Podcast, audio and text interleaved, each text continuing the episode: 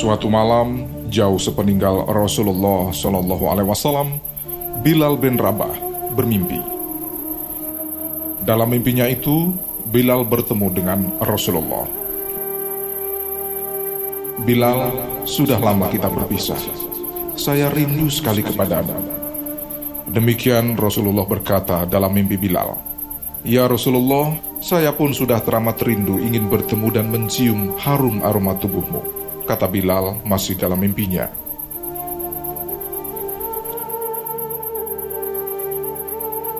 Setelah itu, mimpi tersebut berakhir begitu saja dan Bilal bangun dari tidurnya dengan hati yang gulana. Ia dirundung rindu. Keesokan harinya, ia menceritakan mimpi tersebut pada salah seorang sahabat lainnya. Seperti udara, Kisah mimpi Bilal segera memenuhi ruangan kosong di hampir seluruh penjuru kota Madinah. Tak menunggu senja, hampir seluruh penduduk Madinah tahu. Semalam, Bilal bin Rabah bermimpi bertemu dengan Nabi junjungannya.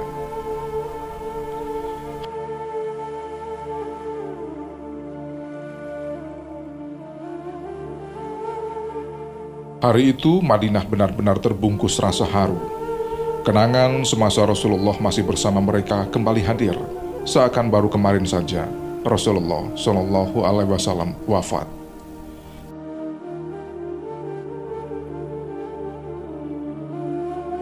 Satu persatu dari mereka sibuk sendiri dengan kenangan bersama Rasulullah.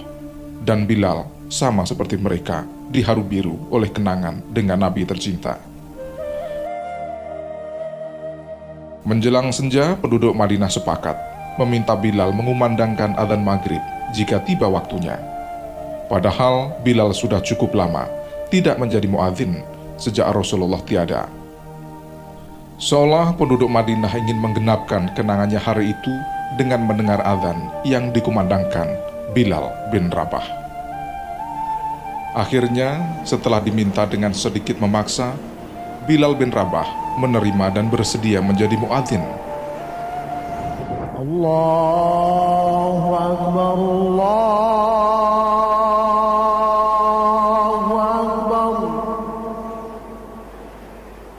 Allahu Akbar, Allahu Akbar.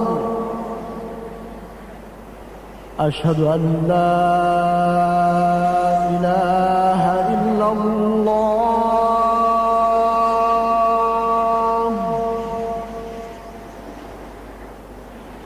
أشهد أن لا إله إلا الله.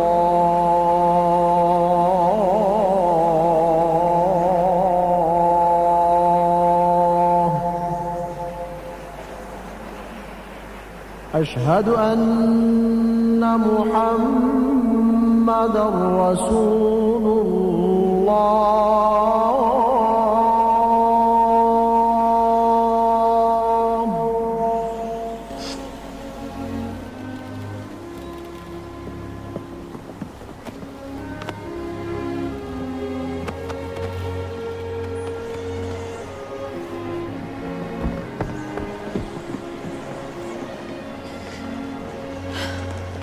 Tak terasa, hampir semua penduduk Madinah meneteskan air mata. Marhaban ya Rasulullah, bisik warga Madinah saat itu. Sebenarnya ada sebuah kisah yang membuat Bilal menolak untuk mengumandangkan adzan setelah Rasulullah wafat. Waktu itu, setelah Rasulullah wafat, Bilal mengumandangkan adzan. Jenazah Rasulullah belum dimakamkan.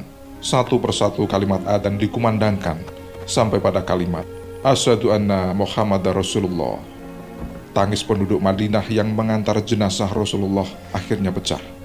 Seperti suara guntur yang hendak membelah langit Madinah.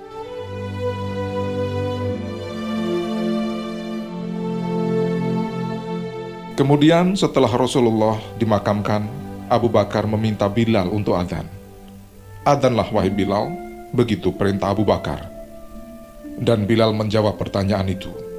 Jika kamu dulu membebaskan demi kepentinganmu, maka saya akan mengumandangkan adzan. Tapi jika demi Allah kau dulu membebaskan saya, maka biarkan saya menentukan pilihanku. Hanya demi Allah yang membebaskan kamu, Bilal, begitu kata Abu Bakar. Maka biarkanlah saya menentukan pilihan, pinta Bilal. Sungguh, saya tak ingin adzan untuk seorang pun sepeninggal Rasulullah Shallallahu Alaihi Wasallam. Begitu kata Bilal bin Rabah. Kalau demikian, terserah apa mau Bilal. Begitu jawab Abu Bakar.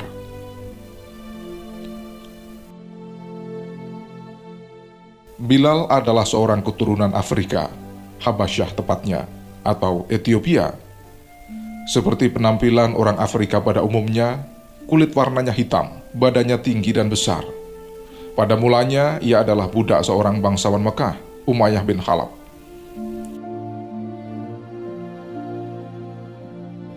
Meski Bilal adalah lelaki dengan kulit hitam pekat, namun hatinya seperti kapas. Itulah sebabnya ia sangat mudah menerima hidayah saat Rasulullah Shallallahu Alaihi Wasallam berdakwah.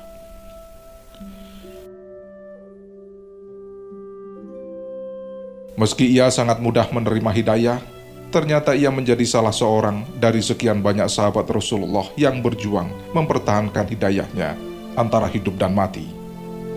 Keislamannya suatu hari diketahui oleh sang majikan.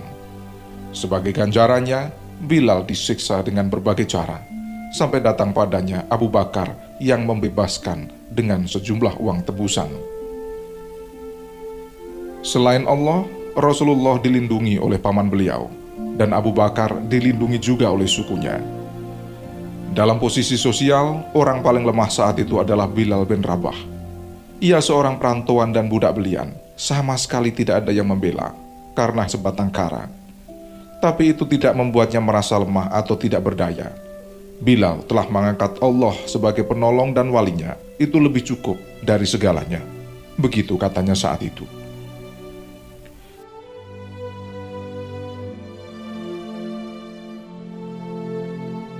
Derita yang ditanggung Bilal bukan alang kepalang.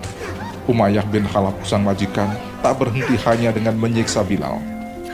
Setelah puas hatinya menyiksa Bilal, Umayyah pun menyerahkan Bilal pada pemuda-pemuda kafir berandalan.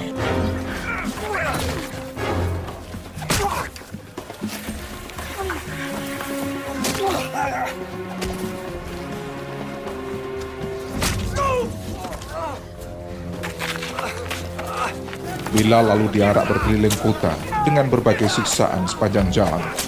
Tapi dengan tegarnya, Bilal mengucap, Aha, aha, aha. Puluhan kali ia mengucapkan itu dari bibirnya yang terus mengeluarkan darah. Bilal bin Rabah, meski dalam strata sosial posisinya sangat lemah, tapi tidak di mata Allah. Ada satu riwayat yang membuktikan betapa Allah memberikan kedudukan yang mulia di sisinya.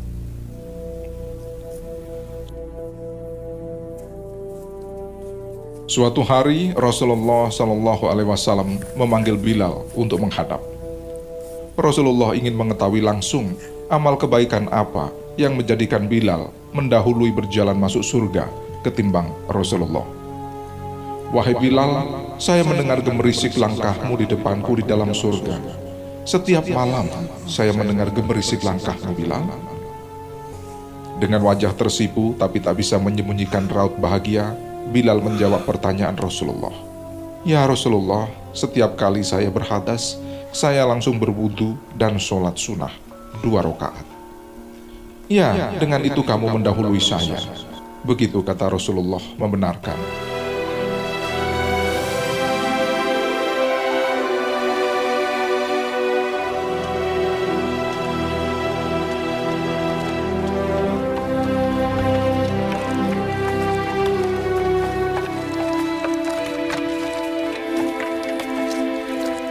Meski demikian, hal itu tak menjadikan Bilal tinggi hati dan merasa lebih suci ketimbang yang lain.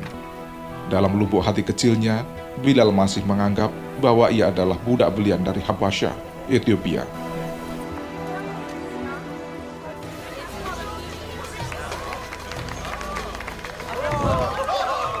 Bilal bin Rabah terakhir melaksanakan tugasnya sebagai muadzin saat Umar bin Khattab menjabat sebagai khalifah. Waktu itu, Bilal sudah bermukim di Syria dan Umar mengunjunginya. Saat itu, waktu sholat telah tiba dan Umar meminta Bilal untuk mengumandangkan adzan sebagai tanda panggilan sholat. Bilal akhirnya naik ke atas menara dan bergemalah suaranya. Allahu Akbar, Allahu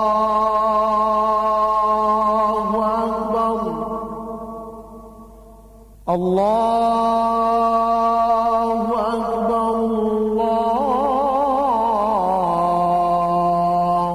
أكبر. أشهد أن لا إله إلا الله.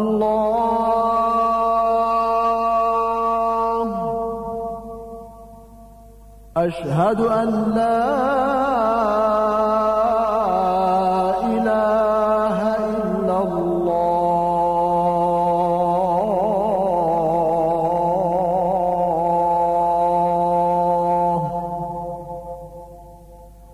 أشهد أن محمد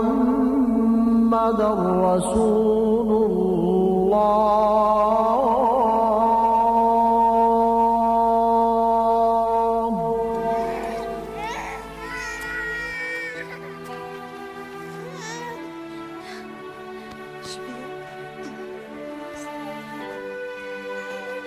Semua sahabat Rasulullah yang ada di sana menangis tanpa kecuali. Dan di antara mereka, tangis yang paling kencang dan keras adalah tangis Umar bin Khattab. Dan itu menjadi adzan terakhir yang dikumandangkan Bilal bin Rabah.